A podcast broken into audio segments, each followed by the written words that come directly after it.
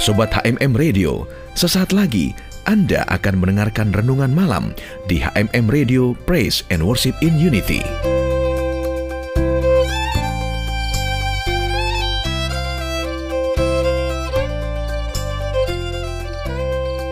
Shalom Sobat HMM Radio, kita jumpa lagi dalam program Renungan Malam.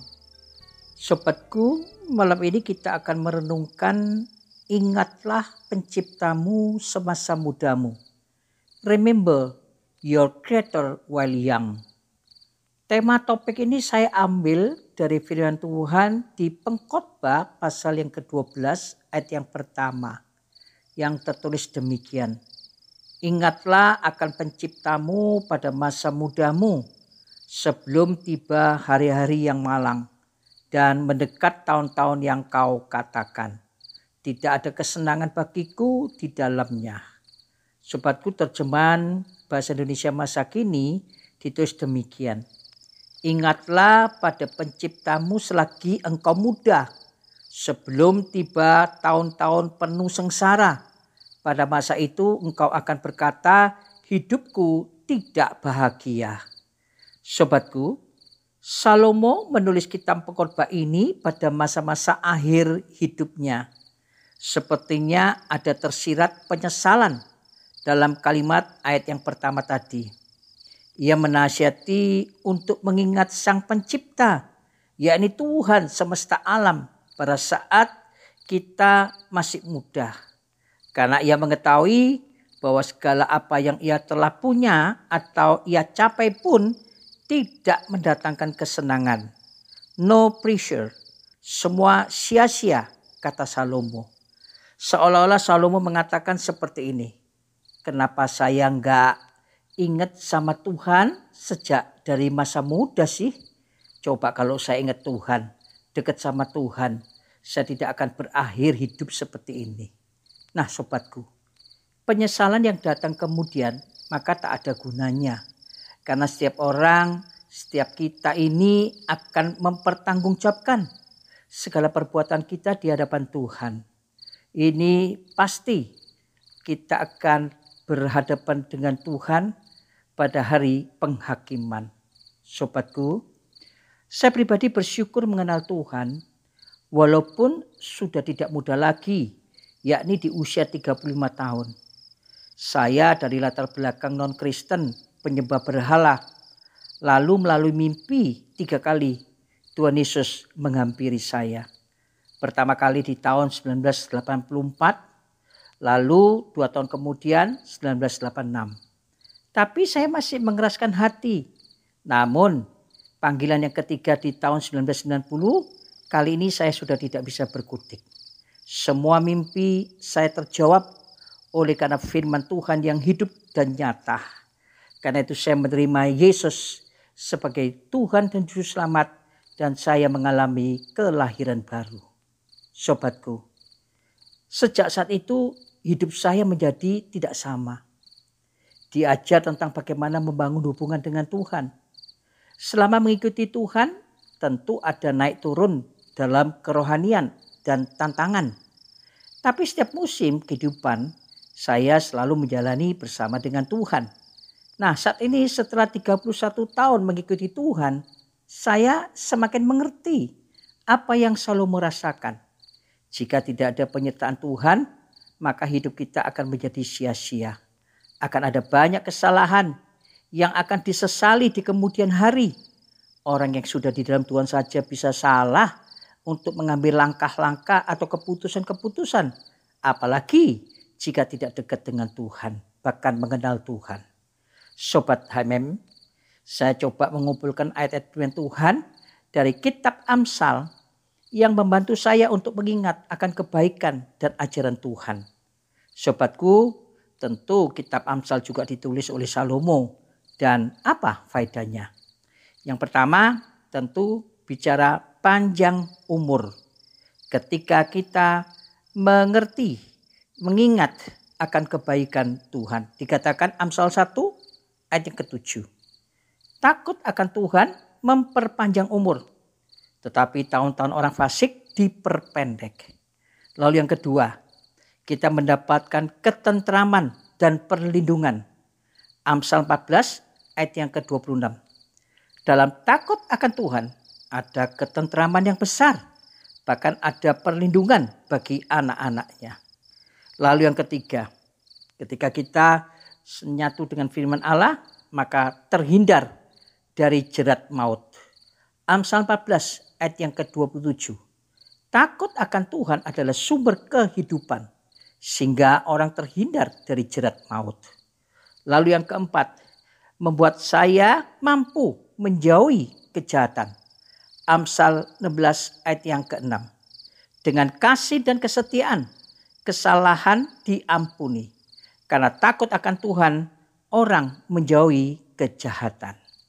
Dan juga yang berikutnya, kelima, janji akan berkat Tuhan. Amsal 22 ayat yang keempat. Ganjaran kerendahan hati dan takut akan Tuhan adalah kekayaan, kehormatan, dan kehidupan. Dan tentunya masih banyak ayat firman Tuhan yang luar biasa yang memberkati kita ketika kita punya hubungan sama Tuhan, takut sama Tuhan, dan seterusnya. Nah sobatku, waktu saya merenungkan tentang kebaikan Tuhan dan kasihnya, apa yang telah ia katakan dalam Alkitab? apa yang ia bisa perbuat di dalam hidup setiap kita orang percaya. Saya semakin appreciate, respect, dan ingin lebih mengasihi Tuhan Yesus. Dan itu membantu saya untuk keep on track. Tetap dalam jalurnya Tuhan. Haleluya. Haleluya. Nah sobatku. Sekarang kita mundur baca Alkitab di pengkhotbah pasal yang ke-12 kita dengar yakni pengkhotbah 11 ayat 9 sampai 10. Bersukarialah hai pemuda dalam kemudaanmu. Biarlah hatimu bersuka pada masa mudamu dan turutlah keinginan hatimu dan pandangan matamu. Sobatku, wah ini pasti amat disukai dan dirindukan oleh anak-anak muda. Tapi kalimat Salomo ini belum selesai. Masih ada tanda baca koma Ya, saya lanjutkan sobatku. Tetapi ketahuilah bahwa karena segala hal ini Allah akan membawa engkau ke pengadilan. Sobatku dengar tuh. Turuti keinginan hatimu, bersukacitalah dan pandangan matamu. Kalau ini unsur sifat kedagingannya kuat, bahaya sekali. Ujungnya diminta pertanggungjawaban oleh Tuhan. Lanjut sobatku. Buanglah kesedihan dari hatimu dan jauhkanlah penderitaan dari tubuhmu. Karena kemudahan dan fajar hidup adalah sia-sia. Sobatku Salomo itu menasihati agar kita itu mengingat Tuhan, pencipta, itu sejak masih muda. Supaya apa? Supaya kita berhati-hati dalam menjalani hidup selanjutnya. Jangan sembarangan. Jangan hidup berdasarkan dengan apa yang diinginkan hati pribadi, bahkan pandangan mata. Jangan mengikuti keinginan daging ini yang nomor satu. Harus hati-hati. Perlu sadar bahwa setiap orang akan menghadapi takhta pengadilan Kristus. Dan Tuhan akan mengadili kita semua berdasarkan motivasi. Yakni apa yang ada dalam hati. Dan perbuatan-perbuatan kita yang dilakukannya. Sobatku, surat Roma 14 ayat yang ke-12 jelas peneguhkannya. Demikianlah setiap orang di antara kita akan memberi pertanggungan jawab tentang dirinya sendiri kepada Allah. Sobatku, kita belajar untuk menguasai diri. Agar motivasi di balik apa yang kita lakukan itu benar. Jika motivasi kita tulus, murni, dan benar, maka perbuatan kita akan menunjukkan ketulusan dan kemurnian. Tidak hidup di dalam dosa, tidak ada di grey area, area abu-abu. Kadang benar, kadang tidak. Sobatku, sebagai akhir perenungan kita malam hari ini pertanyaannya. Apakah ada janji dalam Alkitab bahwa mengasuh anak dengan baik selalu menghasilkan anak yang baik? Jawabannya ada. Di Amsal 22 ayat yang ke-6 mengajarkan. Didiklah orang muda menurut jalan yang patut baginya. Maka pada masa tuanya pun ia tidak akan menyimpang daripada jalan itu. Nah, apakah ayat ini berjanji bahwa mengasuh anak dengan baik selalu menghasilkan anak yang mengikuti Allah ketika dewasa? Bagaimana dengan orang tua saleh yang anaknya memberontak, sobatku? Kitab Amsal sebagai bentuk sastra tidak merupakan janji langsung. Sebaliknya, mereka adalah pengamatan hidup secara umum yang rata-rata benar. Hal ini dapat menjelaskan mengapa ada orang tua yang mendidik anak mereka untuk taat kepada Allah. Namun ketika dewasa, anak itu berubah dan memberontak terhadap Allah. Sobatku, Amsal 22 ayat yang ke-6 mengajar bahwa secara umum jika seorang anak dididik untuk mengasihi Allah, maka ia akan terus mengasihi Allah ketika sampai dewasa. Ini adalah pengamatan kehidupan dari 2000 tahun yang lalu. Dan hal itu masih benar pada zaman ini. Sobatku, kebanyakan orang tua Kristen yang mengasuh anak mereka dengan baik akan menghasilkan orang-orang yang mengasihi Allah ketika usia dewasa. Mendidik anak dalam ajaran dan nasihat Tuhan seperti dalam Efesus 6 ayat yang keempat itu memperbesar kemungkinan anak itu akan mengikuti Kristus ketika sudah dewasa. Sebagai contoh, Alkitab yang baik dapat ditemukan dalam kisah kehidupan Timotius di dalam 2 Timotius 1 ayat yang kelima. Paulus berkata, sebab aku teringat akan imanmu yang tulus ikhlas, yaitu iman yang pertama-tama hidup di dalam nenekmu Lois dan di dalam ibumu Enike. Dan yang aku yakin hidup juga di dalam dirimu, sobatku. Nenek dan ibu Timotius mengasihi Allah dan mendidik Timotius untuk mengasihi Allah juga. Timotius bergabung dengan Paulus sebagai misionaris muda dan menjadi salah satu rekan yang paling dapat dipercaya. Perjanjian baru menyebutkan nama Timotius itu sebanyak 25 kali sebagai misionaris, pembantu para rasul dan pendeta. Sobatku, pengasuhan anak secara alkitabiah tentu sangat diperlukan pada zaman ini. Sama halnya dengan zaman dahulu. Ayah dan ibu itu merupakan kunci untuk mendidik pemuda dan pemudi yang mengasihi Allah dan hidup baginya.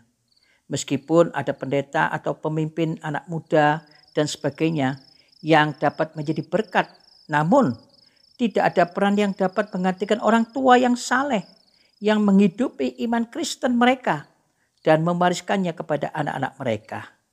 Oleh karena itu penulis Amsal 22 ayat yang ke-6 itu berani mengatakan, didiklah orang muda menurut jalan yang patut baginya maka pada masa tuanya pun ia tidak akan menyimpang daripada jalan itu.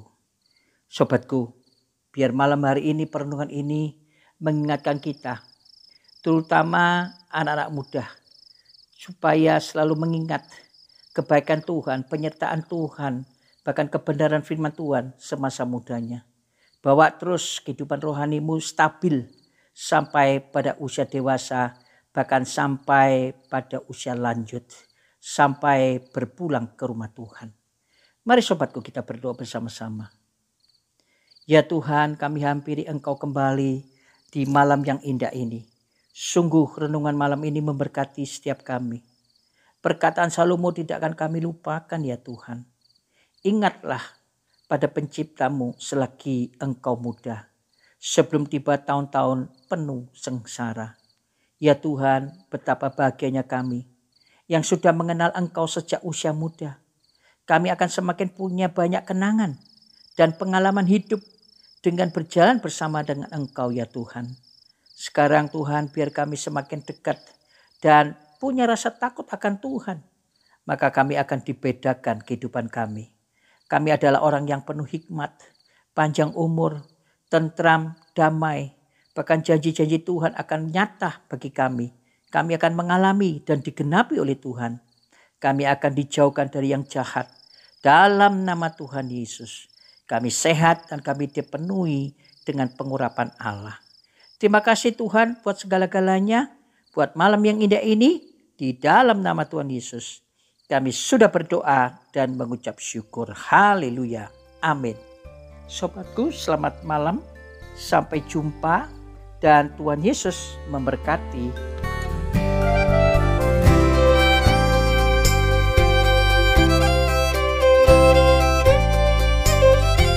Sobat HMM Radio, demikianlah tadi anda sudah mengikuti renungan malam di HMM Radio Praise and Worship in Unity.